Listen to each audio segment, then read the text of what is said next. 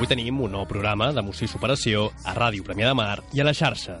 Us parla Oriol Lugo Real, psicòleg i coach personal i executiu. Espero que el contingut que us oferirem sigui del vostre interès, perquè el nostre únic objectiu és treballar plegats per a poder millorar la nostra salut mental i emocional. Així doncs, comencem a Emoció i Superació.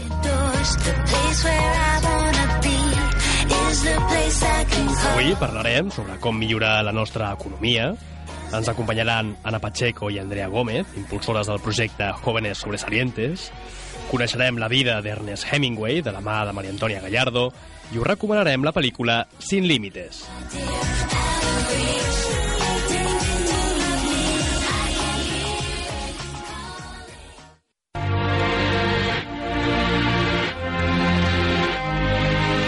El llibre del programa, secció on t'oferim un títol de creixement personal amb consells ben útils perquè els puguis aplicar durant tota la setmana.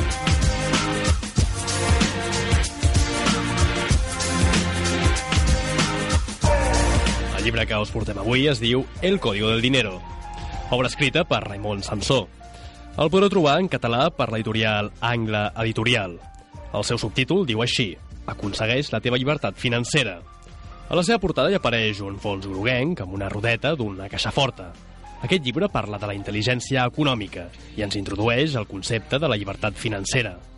Raimon Sansó és llicenciat en Ciències Econòmiques, coach per a emprenedors i autor de llibres com Tornar a l'alegria i el Manual de la Prosperitat. A més a més, és director de l'Institut d'Experts, on entrena grups de professionals per obtenir el màxim rendiment i els millors resultats.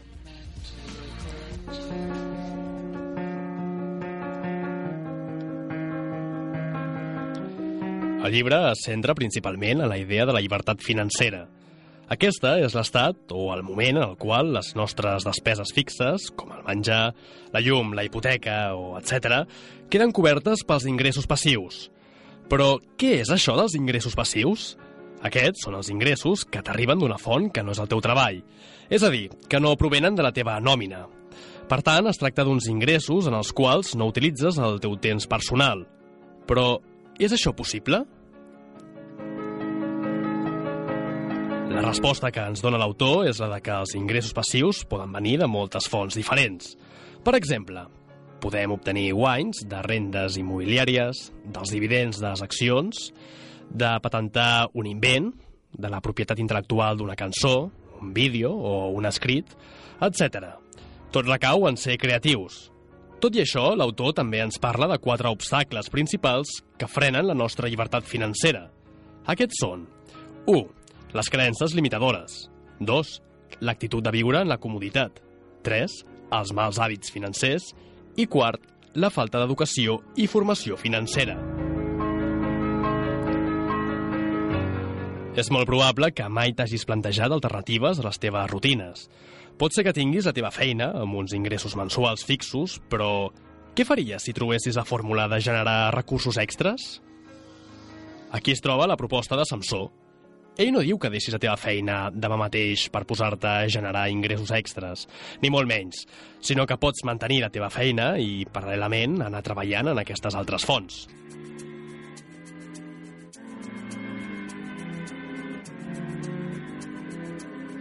El primer pas, pel canvi, recau en aprendre. Si no disposes de coneixements en economia o no disposes d'experiència en el camp de l'emprenedoria, la forma més ràpida d'adquirir-los és trobant models. És a dir, rodejant-te de gent que ja hagi aconseguit aquests objectius. Només així superaràs moltes de les primeres pors i de les primeres barreres. També és fonamental que facis un canvi de mentalitat. El món que coneixem ha canviat. La seguretat absoluta d'abans s'ha difuminat. Raimon Sansó recomana que busquis quina és la teva passió i fer d'aquesta la font principal dels teus ingressos. Algunes de les principals habilitats d'un bon emprenedor o emprenedora són les següents. Saber fer una gestió òptima del temps, tenir un gran domini de les noves tecnologies, saber comunicar-se i vendre's eficaçment, tenir ganes d'aprendre i créixer contínuament, establir bones metes i objectius i ser creatiu i capaç d'automotivar-se. I ja per acabar, ens quedem amb el, amb el principal missatge de l'autor, que diu Aconseguir la llibertat financera ens permetrà ser rics en temps.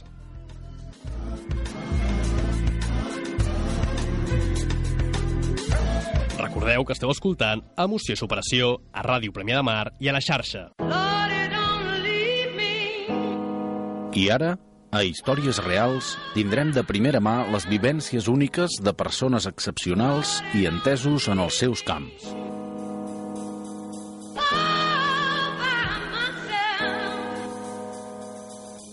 Avui tenim com a convidades a Ana Pacheco i Andrea Gómez. Benvingudes i moltes gràcies per venir. Com esteu? Hola, Oriol, doncs molt bé, moltes gràcies a tu per convidar-nos. Gràcies. L'Anna i l'Andrea són dues estudiants de periodisme, impulsores del blog Jóvenes Sobresalientes, un blog dedicat a ressaltar tota una generació de joves que lluiten i busquen obrir-se pas en aquesta societat competitiva en la que vivim. Joves que s'esforcen dia a dia per fer realitat els seus somnis i projectes, com les mateixes autores i protagonistes de l'entrevista d'avui. I és molta la feina que porten feta havent entrevistat a un bon nombre de nois i noies d'àmbits tan diversos com la política, l'art o l'emprenedoria, entre d'altres. En l'actualitat les podem trobar en un espai setmanal en el periòdico de Catalunya. Voleu afegir alguna cosa més, Anna i Andrea? No, la veritat és que està tot dit. Ho has resumit molt bé. Sí, perfecte. Amb tot el que esteu fent, ràpidament ens podem fer una idea de que sou dues noies molt decidides, amb molta creativitat i unes grans apassionades de les xarxes socials i de les últimes tecnologies. Darrere de Jóvenes Sobresalientes hi apreciem moltes hores i esforços invertits. Estem parlant d'una vocació? Doncs moltes gràcies per les paraules, és molt maco que has dit, però la veritat és que sí, perquè si no fos una vocació, la veritat és que no hauríem arribat fins aquí. Som, com bé has dit, moltes hores i, i hores que traiem de la nostra vida tant universitària, de feina i familiar i d'amics. Eh, bueno, les anem rascant d'on podem. Sí, pensa que per cada post, per cada entrevista ens, ens, ens suposa tant el temps de producció i de contactar amb els joves com el fet després de realitzar-la i després editar l'entrevista, el vídeo i després difondre-ho a les xarxes socials. O sigui, que sí, ens treu hores, però bueno, ho fem de, de bon gust. El que pitjor portem és el contestar mails, però bueno, estem, estem pendents d'arreglar aquesta part. Sí. Expliqueu-nos amb les vostres paraules. Què és Jóvenes Sobresalientes? Eh, bé, doncs Jóvenes Sobresalientes una mica és una plataforma que el que, el que busca és donar visibilitat a, a projectes de joves emprenedors i tot en format d'història, no? no? No ens interessa tant eh, si són rics, si tenen moltes carreres, si estan obtenint doncs, grans ingressos amb el que han fet, sinó una mica la, la, la inspiració que pugui tenir el fet de, de que són joves doncs, molt creatius i que en, en èpoques de crisi eh, l'estan sortejant i, i molt bé el que volem contrarrestar una mica també és aquesta imatge negativa que hi ha dels joves als mitjans, tot això que hem escoltat de la generació Niño, la generació del botellón, i és una mica com donar a la gent històries inspiradores que demostrin que realment que hi ha joves que estan fent coses i que realment es pot tirar endavant tot i els obstacles que ens anem trobant. Eh, doncs sí, la veritat sí que ens coneixíem perquè érem companyes de classe i de fet el blog va, va sorgir d'una activitat de, de la carrera. Sí, era l'assignatura de periodisme digital digital i una de les tasques de l'assignatura era crear un blog i una de les característiques principals és que l'havíem de crear tot nosaltres, tot el contingut, tant fotografies com vídeo, no podríem tirar de Google Imatges ni res d'això. Clar, la idea que tenia el professor era una mica, doncs, doncs una mica de, de treball de carrer, de podeu anar a mirar les tendes de barri o als mercats, però clar, nosaltres pensàvem i dèiem que això no interessa a la gent jove, pensàvem, ha de ser un blog que ens agradi, ens agradi nosaltres també llegir-ho i que, no sé, que ens agradi també fer-ho, ja que hem d'invertir hores i pensant, pensant, vam dir, per què no entrevistem a gent de la nostra que estigui fent coses xules o mm, idees? Sí, i perquè a més nosaltres no, mentre que a la televisió tota l'estona estaven els joves no fan res, som la generació perduda, nosaltres ho comentàvem i deien, escolta, pues si tenim la, la, la veïna, la tia que estan fent coses i tota l'estona estem sentint històries de l'amic de l'amiga que, que ha muntat tal projecte i que ens sembla interessant i que en canvi no surten a la televisió i, va, i aquesta era una mica la idea. Realment era un, era un treball que havia de durar tres setmanes i, però nosaltres vam decidir que bueno, li vam agafar el gustillo una mica i, i ens agradava, ens agradava anar coneixent a gent i anar creant contactes i,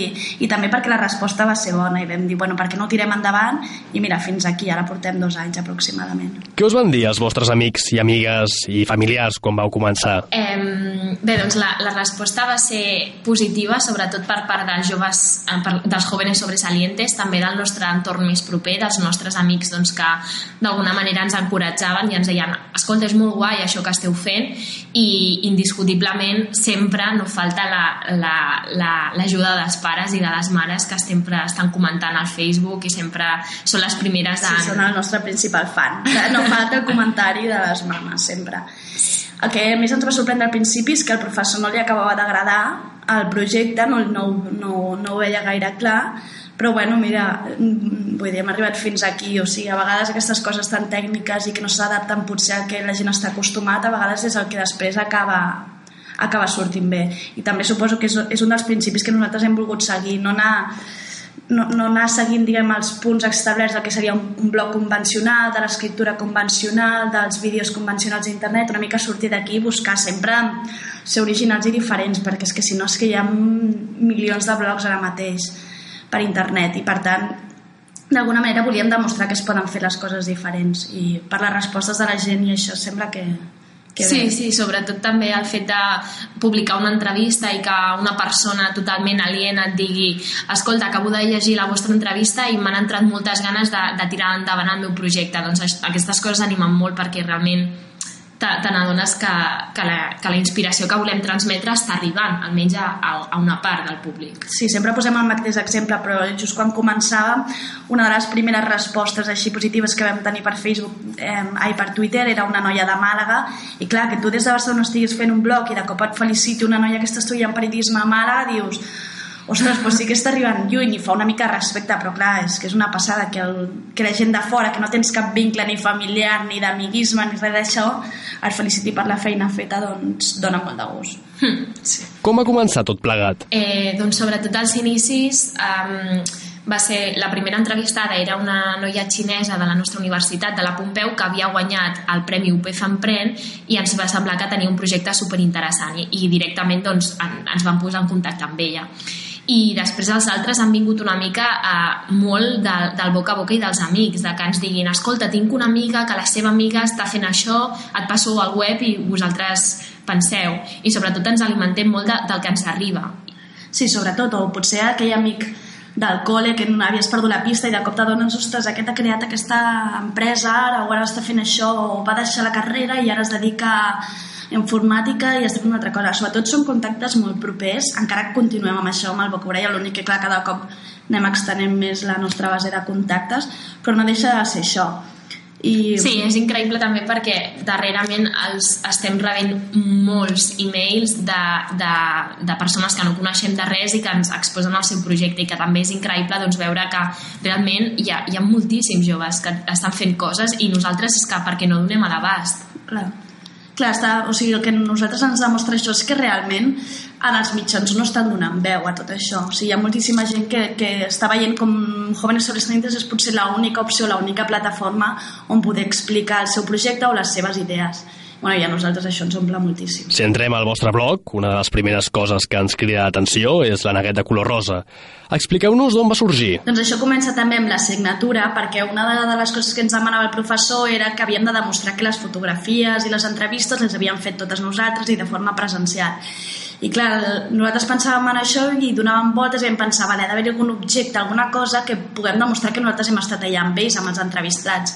I al principi donàvem voltes, que si els hi posem un barret, que si els hi posem una gorra, algun objecte que puguin agafar, i de cop un dia, no, bueno, no sé com, ens vam il·luminar, va, un aneguet d'aquests de dutxa, va, però busquem un color especial, va, rosa, i no l'havíem vist en lloc, i de cop va ser, vale, ara l'hem de buscar.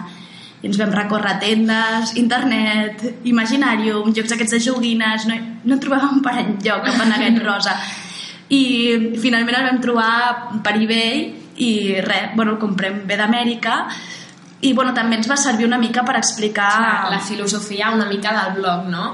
Uh, si la neguet de, de, de, normal és groc, nosaltres volíem demostrar precisament que, que és possible que hi hagi la diferència i per tant la Neguet Rosa demostra una mica doncs, aquests joves creatius que, amb, que sobresurten, que sobresurten. De, la, de la realitat Exacte, i que una mica doncs, són els, els roses entre un munt de, de grocs, que és una mica doncs, la, la idea de, la veritat és que estem molt contentes perquè, perquè crec que és una de les millors decisions que hem fet perquè la Neguet Rosa és ara és la nostra marca i és el que ens identifica i ens fa molta il·lusió que la gent ens identifiqui cada cop que veuen una negueta amb nosaltres i Sí, sí, sí. Ara estem a Twitter amb una campanya de els tuits més creatius i precisament doncs, l'obsequi doncs, és un patito rosa i la gent sembla molt contenta.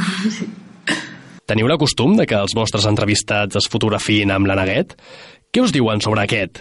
Com s'ho prenen? Els agrada? Eh, sí, la veritat és que els agrada molt. Tothom ja, ja ha assumit una mica la dinàmica i si t'has visitat una mica el blog veus ràpidament que tots els entrevistats tenen foto amb el Patito i la veritat és que sempre al primer potser una mica vergonyosos, no saben ben bé com, on posar-s'ho perquè sigui com més imaginatiu, però després supercontents i Sí, al principi feia potser més vergonya perquè ho havies d'explicar de zero, perquè la gent no ens coneixia i dèiem, sí, mira, tenim aquesta imatge, que és la Neguet, i has d'interactuar una mica amb ell per una foto.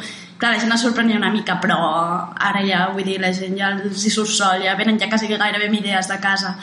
I respecte a això, una de les anècdotes que tenim del principi és que en una de les entrevistes que estàvem fent al carrer estàvem entrevistant uns nois d'un grup de música i quan va ser l'hora de treure la neguet per fer la foto, una noia que hi havia per allà ens va dir ai, us conec, vosaltres jo crec que us he vist per internet. I clar, en aquell moment que algú pogués relacionar la neguet rosa amb, amb un projecte per internet, bueno, no ens vam posar a plorar i abraçar la noia de miracle.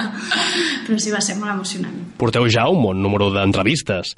Quina és aquella que més us va agradar o cridar atenció? Eh, sí, en dos anys ens ha donat temps a conèixer molts sobresalientes. Mai ens agrada dir quina ens ha agradat més, perquè realment i, i això és molt sincerament, de totes les entrevistes sortim encantades i, i com nosaltres mateixes molt motivades i inspirades. Sí, per... la veritat és que cada entrevista són com dues hores de, de xerrar, que hi arriba un moment que ja passem de les, de les preguntes i és com quedar amb algú i, i parlar i conèixer la història, és, no sé... Sí, però sí que és veritat que uh, algunes entrevistes, uh, sobretot pel, pel ressò que després han tingut en internet, ens, ens ha sorprès molt. I, per exemple, tenim la del Víctor Català, que és un, un estudiant d'arquitectura a la UPC, que el seu projecte, de, el seu treball de recerca del batxillerat finalment doncs, s'està pendent d'aprovar-se en el Congrés i, i ho volen dur a la pràctica. I, i és un tio doncs, que per la manera que ens va explicar la història i tot, realment va ser va ser molt impactant perquè és això d'un treball de, de recerca que normalment tots hem fet doncs, xapucilles, ell va fer realment un projecte viable que s'està donant, donant, donant a terme. Sí, el que més ens ha sorprès és que potser el que podíem pensar al principi que potser els projectes amb més èxit o que ja facturessin o que fossin més famosos o alguna així podien ser els més exitosos però el que realment interessa a la gent són les històries i, i veure com algú que potser és un company teu de classe, algú que és com tu doncs ha arribat a fer coses bueno, increïbles i que, bueno, que és com tu i que, i que tothom pot arribar a fer algun dia el seu projecte en realitat. I també el més sorprenent és que bueno, una de les coses que ens ha sobtat més és que la majoria de sobresalientes acabes al cap d'una estona parlant eh, es coneixen entre ells. O sigui, això és com, hi ha una, una espècie com de connexió ah sí, jo aquests els conec, algun dia he treballat amb ells o, bueno sí, que una mica està tot una mica relacionat i, i no deixa de ser interessant. I a més a més, molts jóvenes sobresalientes que heu entrevistat provenen d'altres punts del món com ha estat l'experiència? Eh, bueno, suposo que, que ho dius per algunes entrevistes que han sortit d'Argentina i això és perquè durant el primer semestre d'aquest any 2012 ens vam separar. Eh, va, ser va la... ser molt tràgic. perquè jo estava de conveni bilateral doncs, a Argentina i bueno, em va semblar que també era una bona oportunitat doncs, per conèixer els sobresalientes, perquè si una cosa està clara és que gent emprenedora hi ha a tots els, a tots els llocs. I, I també va ser realment molt interessant, sobretot a Argentina Argentina per al context eh, social que té, que ha estat en crisi durant molt temps i molt pitjor que la nostra, doncs és també molt, molt interessant veure com ja no deixa d'haver-hi de, de, una joventut superpotent i que està fent coses. Clar, el problema que ens trobem ara és que, per exemple, rebem molts mails de gent de Madrid o Galícia o Andalusia, on ens posen els seus projectes, però clar, nosaltres ens sap molt greu, però és que no podem, ara de moment no podem fer front, perquè a nosaltres ens agrada fer les entrevistes, conèixer la gent, parlar amb la gent, veure si tenen oficina, veure una mica com són ells, el tracte, com entrar una mica més en detall, no el típic mail de pregunta-resposta que és molt fàcil després publicar. Sí. I aquest és el problema que ens trobem ara. Ens agradaria molt, eh, abarcar molt més i, i mira, ojalà un dia puguem pagar-nos un viatge on sigui i anar a conèixer anar a conèixer sobresalientes. Sí, però de moment ens agrada més el, el tu a tu, la via directa, perquè creiem que té molt més encant després el resultat final però bueno, que, que estem obertes a, a totes les possibilitats. Quines diferències i semblances heu trobat entre aquests jóvenes sobresalientes del nostre país i els provinents d'altres nacionalitats? Potser no hi ha tantes diferències amb, amb joves d'aquí o de fora, perquè gairebé tots tenen una mate un mateix punt en comú, que és llançar-se a la piscina de ple, però sí que hi ha diferències respecte al que ens diuen de com es veu l'emprenedoria aquí i, per exemple, molts ens posen l'exemple dels Estats Units, ja que molts o tenen clients allà o han treballat allà i ens posen aquest exemple de, bàsicament, com tracta el govern, com la societat entén l'emprenedoria i com aquí som una mica més reticents a, a veure tota aquesta gent emprenedora com algú que realment està fent el bé i està, i està tirant endavant projectes que, que val la pena que recolzem. Sí, sobretot també el que ens repeteixen molt és, bueno, o tenim sobresalientes que inclús estan vivint a Nova York o altres que, com ha dit l'Andrea, tenen clients allà. El cas és que tots diuen el mateix. Eh, la filosofia nord-americana o d'altres eh, països eh, fomenta l'emprenedorisme, no passa res si fracasses, si tens un projecte una mica que encara està en vies de, de fer-se realitat i en canvi aquí a Espanya o al nostre, el nostre context és molt més difícil d'entendre-ho. I fins i tot et diuen una mica el descarrilado, un bicho raro, que estàs fent, posa't a estudiar. Clar, molta gent que ens trobem és gent que ho ha deixat de banda.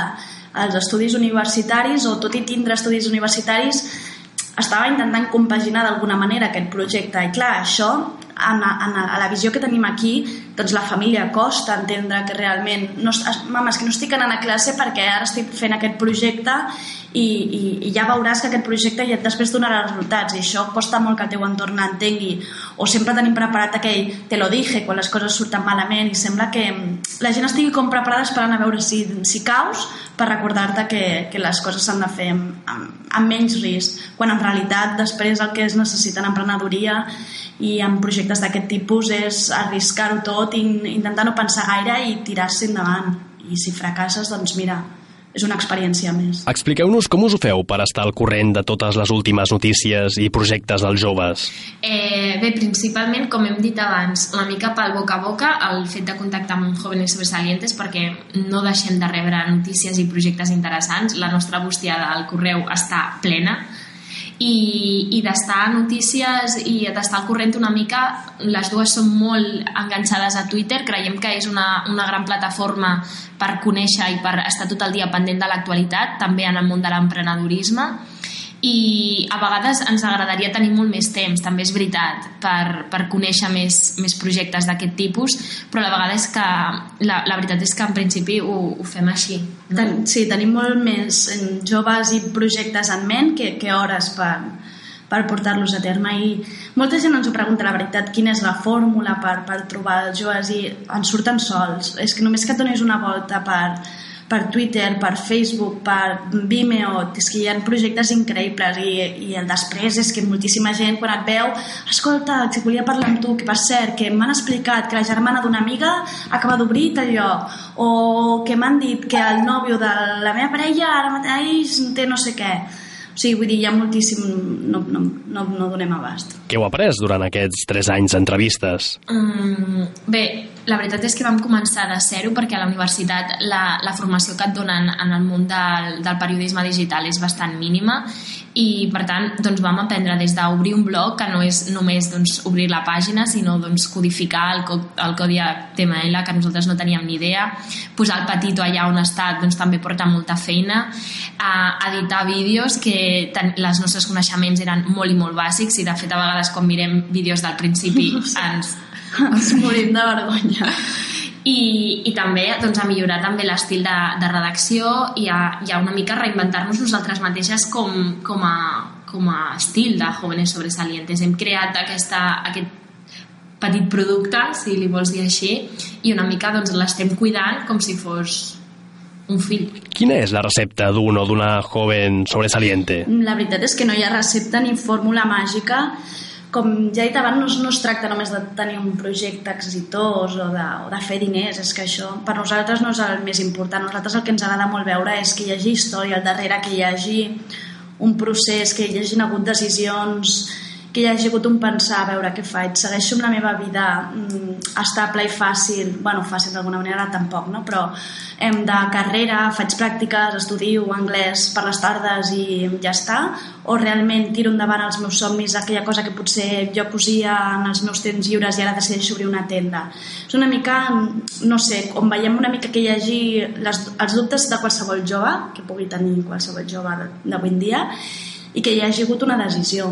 I sobretot que, que hi hagi experiència al darrere, que ens pugui explicar anècdotes, que, que mira, doncs vaig intentar obrir això i va ser un error, i, però bueno, i ho he tirat endavant, i una mica el feedback de la família i dels amics, això és una mica el que ens interessa, i no tant que sigui una startup superinteressant que està facturant un milió d'euros a l'any, no, això potser no és el nostre perfil. Què opineu de la famosa fuga de serveis? Eh, doncs que és una llàstima perquè realment és capital humà que està marxant fora i, i nosaltres que som joves ho estem vivint de primera mà, o sigui, cada, cada cop tenim més amics amb qui parlar per Skype. Sí, Ryanair s'està forrant gràcies a nosaltres perquè no fem més que anar a visitar gent per fora. Sí, i, i, i dona molta... És molt trist perquè realment són joves que estan marxant i, i no sempre estan contents. Tinc amic a Londres que estan allà i diuen bueno, és que no m'hi sento a casa mai, mai m'hi sentiré. I això és el que, lo que realment fa pena perquè estem desaprofitant capital i talent i, i està marxant fora i nosaltres una mica el que, el que volem reflexar també és dir a la gent, escolteu, abans de marxar pues, intenteu fer alguna aquí no? per, per nosaltres, que al, fi, al cap i a la fi doncs, és, és bo per tots. Sí, perquè si hem d'esperar que el sistema laboral s'adapti a, a, a les nostres capacitats i a la nostra formació ho portem molt clar. Això de que cada cop se sent més de que has de borrar coses del currículum per anar a demanar llocs de feina per no estar més per damunt del, del que se't demana, això, això és lamentable, això no es pot permetre. I jo crec que el que els joves han d'entendre és que han de donar-li la volta, no esperar, no esperar ning que ningú faci res per nosaltres, perquè no ho faran, i, i lluitar. I lluitar des d'aquí, perquè, perquè els hi devem una mica, perquè és la societat que, que ha invertit diners en nosaltres, en la nostra formació, i els hi devem d'alguna manera. Sí, i sobretot perquè la fuga de cervells no és cap xollo, perquè molta gent s'ho pot pensar, o molts adults, això que diuen del eh, espíritu aventurero de la gent, no, d'espíritu aventurero res, la fuga de cervells realment és molt trist i, i la condició de joves que estan en els altres països no sempre són bones, realment eh, no estan lluny de casa i no sempre estan fent el, seu, el treball que li correspon.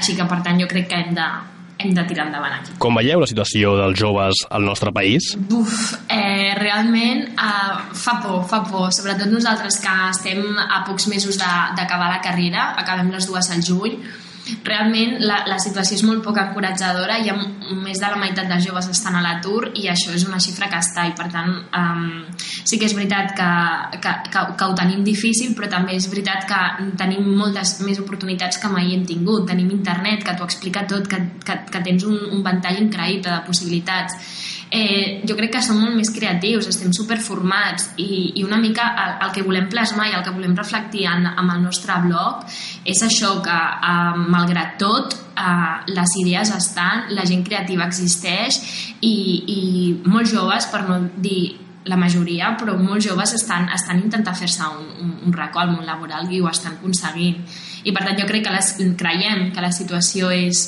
és complicada però també és molt inspiradora per crear coses noves i per, per, per demostrar que sí que ho podem fer. També s'ha de dir que, que ha d'haver-hi consciència de que els joves són el futur i que realment s'ha de deixar un espai perquè els joves creïn, donar espai i possibilitats i opcions i una mica mm, facilitar les oportunitats perquè el que sí que estem veient és que costa i no pot ser que costi perquè la gent ha d'entendre que nosaltres som els que d'aquí un temps haurem de tirar endavant tot això. Bueno, simplement una mica com, com a crit. Com a crit perquè ens escoltin. Buf, això és bastant difícil però sobretot el que ens hem d'oblidar és una mica del que hem vist en els nostres pares o el que hem vist en altres generacions. No podem pensar en, en aquell primer treball on feies una mica d'aprendiz i després una mica et vas estabilitzant i pots passar 40 anys en una mateixa empresa i vas escalant posicions i un dia tindràs un sou estable i faràs una família molt maca i potser tindreu una segona residència i tot molt bé. Mm, jo crec que aquesta imatge ja ens podem anar oblidant perquè gràcies si estàs sis mesos en un lloc i és això que deia l'Anna abans, que estem molt adaptats a les noves tecnologies, estem molt al dia i, i, i ens hem de moure. I, i, tots són, i les xarxes socials no deixen de ser contactes i hem de tirar d'aquest networking. I, i hem de funcionar així i hem de saber que potser no tindrem aquella casa tan gran, potser serà un pis més reduït i segurament treballarem en llocs de coworking amb més gent que estigui igual que la nostra situació el nostre futur potser és més inestable, però jo crec que és molt més interessant que, que el que hagin tingut altres, altres generacions. Us heu plantejat el marxar del país i, per exemple, seguir amb el vostre projecte des de l'estranger? Home, seria una mica contraproduent perquè no estaríem... O sigui, seria una mica en contra dels nostres principis de mostrar el que es pot fer des d'aquí, des dels llocs on és difícil. La veritat és que quan l'Anna estava fora a Argentina no m'hagués importat, eh? Obrir allà una seu, anar a marxar les dues allà però bueno, sí que ens, ens interessaria, per exemple, mostrar llocs on també és, la situació és difícil, com deia, surten coses, però la veritat és que no, no ens ho hem plantejat, no? no o què? Um, tu no l'has plantejat?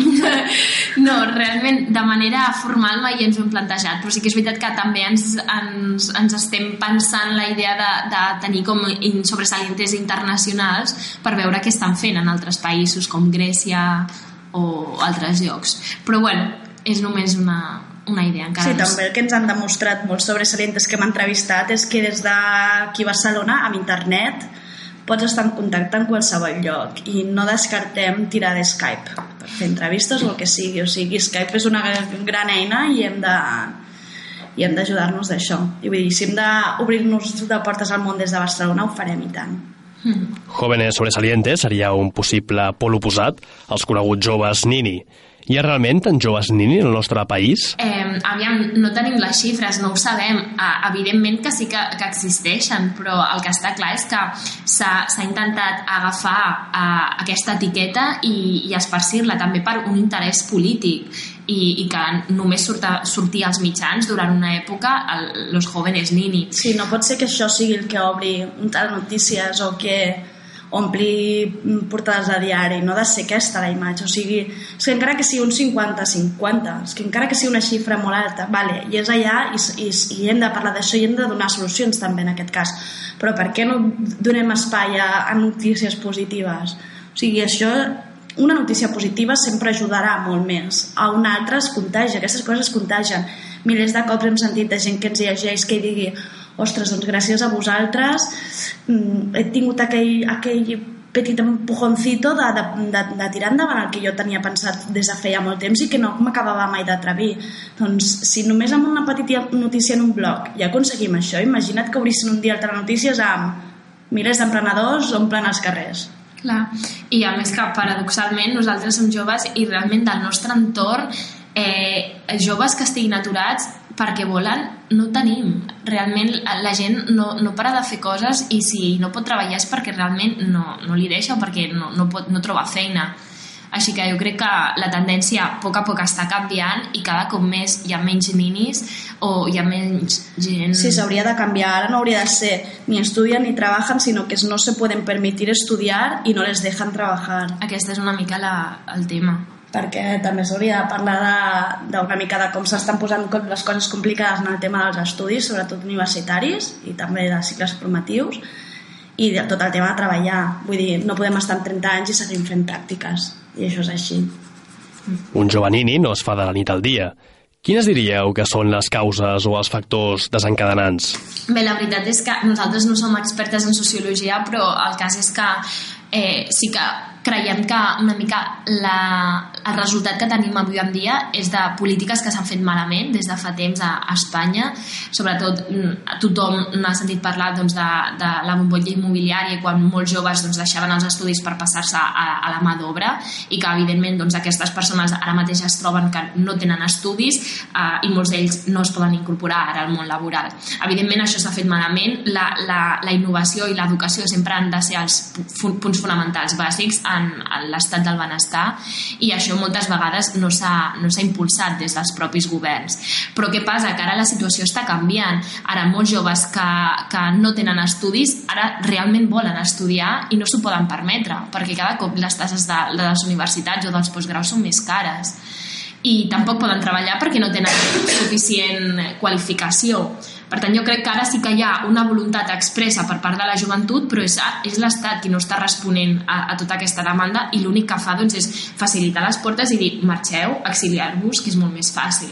Clar, també hi ha aquesta doble imatge, no? El, el, el Nini que explicava l'Anna una mica de, de que en el seu moment va deixar d'estudiar però també hi ha gent que no està ni estudiant ni treballant quan potser han acabat la carrera, tenen un màster i tenen idiomes però és que no poden seguir estudiant perquè no es poden pagar un màster o perquè aquest màster realment no els hi portarà res de nou i no poden treballar perquè és que des de la universitat, des de les ofertes de treball, només arriben ofertes de pràctiques, convenis gairebé de voluntariat i no, gent que ha estat estudiant que porta molt temps amb 25-26 anys ja no es pot permetre treballar en pràctiques sense cobrar. Algun dia han de marxar de casa i si no que els hi preguntin als pares que deuen estar de nosaltres Clar. fins al monyo. Clar. I quina solució hi veieu per als joves nini?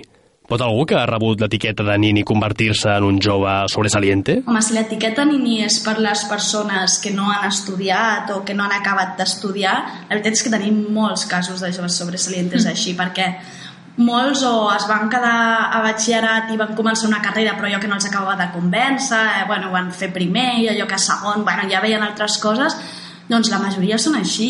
Sí, per suposat. I molta la gent el que ens diu és els màsters i la formació que he tingut doncs, ha estat, doncs, si m'agrada el disseny, jo buscant coses per internet i passant-me tots els dies. I potser suspenent a l'institut, sí, però estaven d'alguna manera formant-se en el que en coses molt específiques que són els que ells volien. També, eh, per suposat, tenim joves que han estudiat a la universitat i que la contemplen com una possibilitat molt vàlida. Però el cas és que per ser un joven sobresaliente el que cal doncs és motivació i fer realment alguna cosa que a tu t'agrada i tirar-la endavant, independentment dels estudis, perquè si tant és que tu facis l'autoaprenentatge en vídeos de YouTube com que hagis anat a, a, a classes durant 4 anys. Això no et dona més o menys validesa i, i no t'hauria de restar ni sumar. Vull dir, el que importen són els resultats. Dintre de República farem una entrevista i és un noi que amb 14 anys dibuixava i sol a casa seva en, en revistes. I dissenyava, feia disseny i, i ell no, no s'acabava de veure en una classe o una universitat aprenent res en concret. I mira, doncs amb la seva força de voluntat i el anar tirant, doncs ara mateix té una revista seva pròpia. Sí, i sense estudiar a la universitat i sense acabar el batxillerat és nini o no és nini? Doncs nosaltres és que tampoc no ens agrada gaire aquesta etiqueta perquè també té com una, que té com una connotació negativa que, que, que s'ha imposat des dels mitjans i no. No, tampoc no és una cosa que preguntem des del principi. Bueno, sí que ens agrada veure si han estudiat o no han estudiat i fins on, perquè pot servir d'exemple per a altres persones, però no és un criteri que tinguem en compte ni molt menys. Com veieu les futures generacions? Anirem a millor o a pitjor? Mm, nosaltres volem ser la veu de l'optimisme, així que no, hem de dir que aquest, la generació nostra serà la millor, sense cap dubte. I la més divertida i la que té projectes més interessants. Nosaltres, que som de l'era digital totalment, no ens imaginem fa anys sense, sense YouTube, sense webs, sense blogs, sense la quantitat d'idees i de coses que es fan a internet i gratis són gent que ha viatjat com moltes altres persones en el seu moment no ho van poder fer. Vull dir, ara amb un cop de cotxe amb, amb el, les famoses aerolínies aquestes que ja no repetiré més el nom que em posa nerviosa. Vull dir, hem, hem vist món hem, hem, a través d'internet de Twitter pots arribar a conèixer sabem què està passant ara mateix a Tòquio o a l'altra punta de Canadà i estem extra informats i, i tenim moltes eines a, a nostre abast. Hem de saber utilitzar-les utilitzar i adaptar-nos i jo crec que, jo crec que entre tots junts i com amb una idea positiva i sobretot tirant de contactes, això és molt important, ajudant-nos uns als altres mm, serem una gran generació. I ara, recentment, esteu col·laborant amb un espai setmanal al Periódico de Catalunya. Com va sorgir aquesta col·laboració? Doncs pel morro. Bàsicament va ser pel morro ens vam presentar ja a la redacció. Bueno, la veritat és que vam enviar un, un mail previ, però bueno, vam anar allà, sí. Consell de Cent era, no? Sí. I res. I li vam presentar el nostre projecte i vam dir, escolteu, voleu, voldríeu posar-lo a la pàgina web o en voleu fer alguna cosa? I, i sí. Hem vist que no hi ha espai per joves, no es parla de joves i mira, creiem que és necessari i bueno, la veritat és que estem molt contents sí. les dues bandes, sí. sí. A nosaltres que ens aporta moltes visites i molta visibilitat i bueno, pel que sabem de part seva eh, bueno, creiem que també està funcionant molt bé i, bueno, i també perquè estem arribant a uns lectors que potser no arribaríem d'una altra forma. I gent potser que no entra tant als blogs o gent potser més gran i bueno, sempre hi ha els, els típics comentaris dels mitjans online que costa una mica pair, però bueno, la resposta està sent positiva i estem molt contentes. Quins són els vostres plans de futur? Bé, la, la nostra idea és continuar amb, amb, amb Jóvenes Sobresalientes. Nosaltres acabem la carrera ara al juny i per tant li podrem dedicar bastant més temps i veure una mica com, com podem fer gran aquest, aquest bloc que, que està aquí una mica que encara no sabem ben bé on, on quadrar-lo. Respecte a nosaltres, doncs, ens agrada molt el, el periodisme, això està clar, les noves tecnologies i jo personalment m'hi veig, veig fent això. M'agrada molt el món de la cultura i, i m'agradaria doncs, ficar-me per allà. La veritat és que ara estem treballant en el blog com a, com a projecte final de grau de la carrera. Això també ens està ajudant a, a donar-li moltes voltes, en pensar en el, en el pla de model, en quin, que, que, on volem arribar, què volem...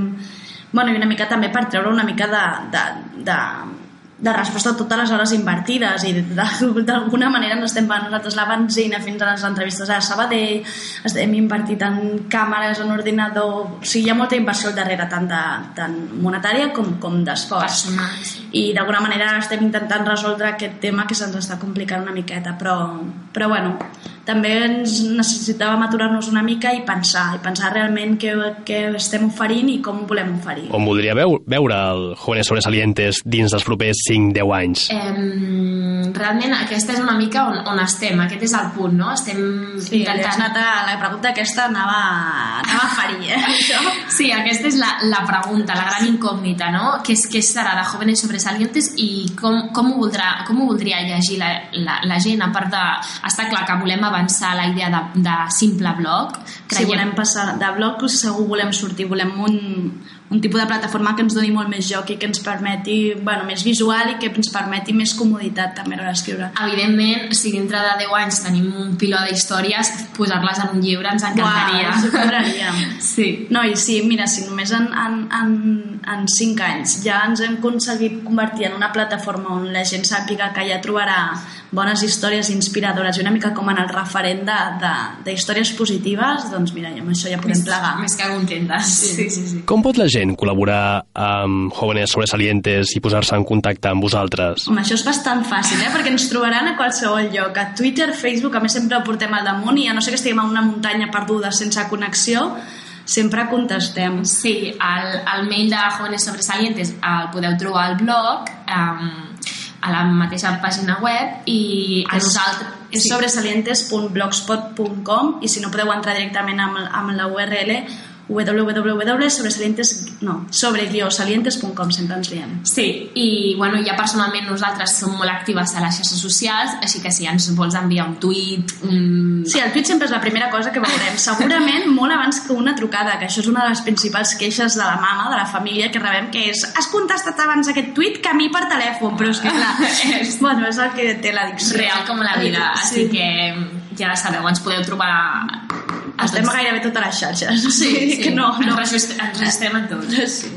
Moltíssimes gràcies, Anna i Andrea. Realment molt interessant tot el que ens heu explicat. Avui hem vist a més a prop de la mà d'Anna Pacheco i d'Andrea Gómez, un sector de la joventut que ben sovint es deixa en un segon terme. Ens referim als jóvenes sobresalientes, joves com l'Anna i l'Andrea que s'esforcen i lluiten per tirar endavant, per aconseguir les seves metes i els seus objectius. Ens quedem amb les vostres experiències i vivències personals Adeu, que vagi molt bé.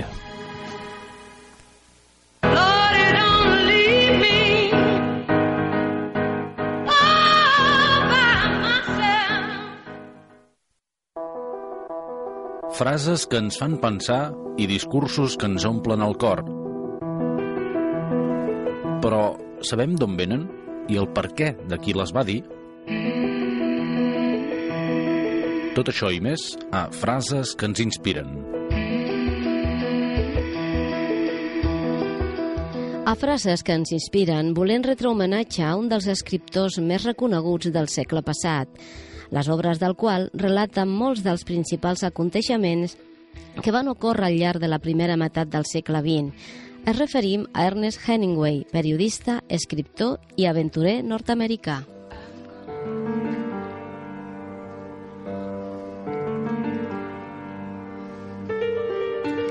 Ernest Miller Hemingway va néixer a Illinois l'any 1899. El seu pare era un gran aficionat a la pesca i a la caça, pràctiques que ja de nen va incorporar. De jove tocava el violoncel i, a més a més, practicava waterpolo, rugby i boxa. A l'acabar els seus estudis no va voler anar a la universitat. El 1918, a la fi de la Primera Guerra Mundial, va marxar cap a França com a conductor d'ambulàncies de la Creu Roja. A Itàlia va quedar ferit greu d'una cama i tot i així va aconseguir salvar la vida d'un soldat italià. L'any 1919 va retornar als Estats Units i allà va posar, es va posar a treballar com a periodista del Toronto Star. El 1922 va marxar a París amb la seva dona i el seu fill. Allà es va familiaritzar amb els ambients literaris d'avantguarda. Els seus inicis literaris van ser complicats. Però el seu èxit va arribar amb la primera novel·la, Fiesta. La seva relació amb Espanya va ser estreta, comprometent-se amb la causa republicana durant la Guerra Civil. A l'esclat de la Segona Guerra Mundial va participar com a corresponsal del, del desembarcament de Normandia. Els següents anys els va passar a Cuba, on va escriure un breu relat eh, per a la revista Life sota el títol El vell i el mar, amb el qual va rebre el Premi Pulitzer. Un any més tard va obtenir el Premi Nobel de Literatura pel conjunt de la seva obra. A partir d'aquell moment, la seva producció literària es va reduir, només escrivint algunes històries de la, de la seva etapa de joventut. L'any 1961 es va disparar a si mateix amb una escopeta. Algunes de les seves frases més conegudes són Un home amb caràcter podrà ser derrotat, però mai destruït. El secret de la sabidoria, del poder i del coneixement és la humilitat. Es necessiten dos anys per aprendre a parlar i 70 per aprendre a callar. Mai penseu que una guerra, per necessària o justificada que sembli, deixa de ser un crim. L'home té cor, encara que no segueixi els seus dictats.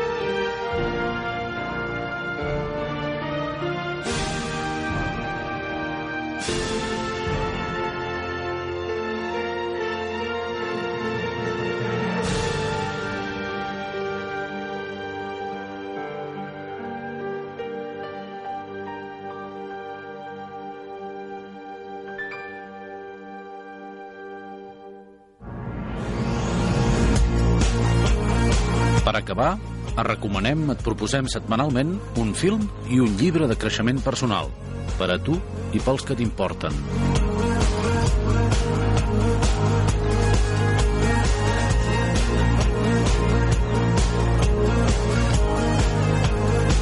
La pel·lícula que us portem avui es diu Sin Límites. És una pel·lícula americana, estrenada l'any 2011. Va ser dirigida per Neil Burger i protagonitzada per Bradley Cooper i Robert De Niro, entre d'altres. Aquesta pel·lícula està basada en la novel·la d'Alan Glynn, titulada The Dark Fields.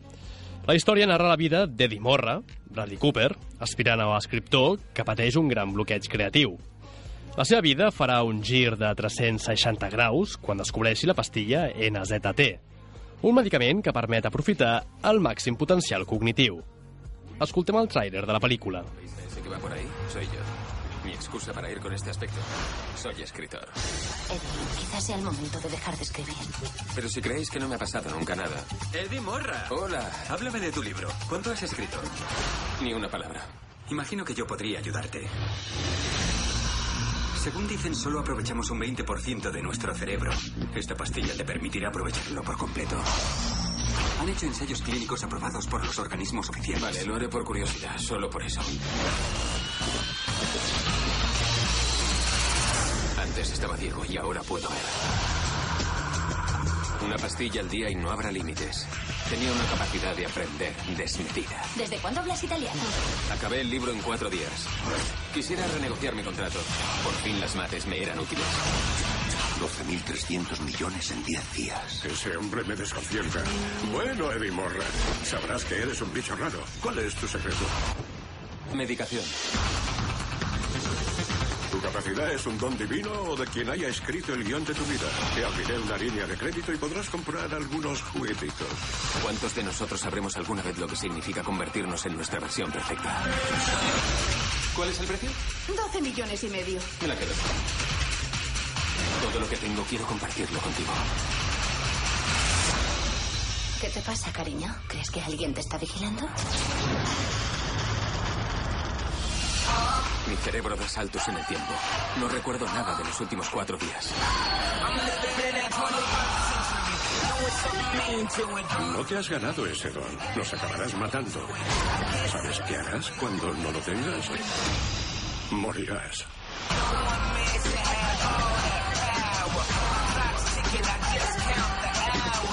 Tu vida no tiene otra alternativa. Ya no trabajas para mí. ¿Que no tengo alternativa? Yo veo muchas alternativas. Veo 50. Eso es lo que hace, Cal. Voy 50 jugadas por delante de ti. ¿Vale la pena arriesgarse? Què haries tu? Una obra que fa una reflexió sobre les capacitats humanes i els beneficis i els perills que comporta superar certes barreres i límits. Us deixem amb la banda sonora de la pel·lícula.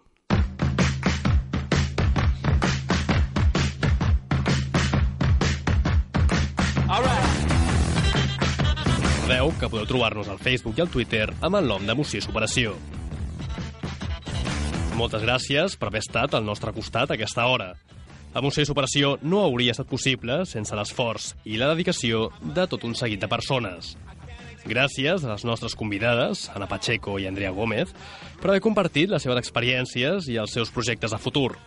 Gràcies per les frases que tant ens inspiren de Maria Antònia Gallardo. Gràcies per les explicacions i els consells sobre sexe, salut i relacions, de Júlia Beltran. Gràcies per la fantàstica gestió i control del so de Carla Soler. Us ha parlat Oriol Lugo Real, qui amb gran satisfacció ha dirigit aquest programa i l'ha redactat.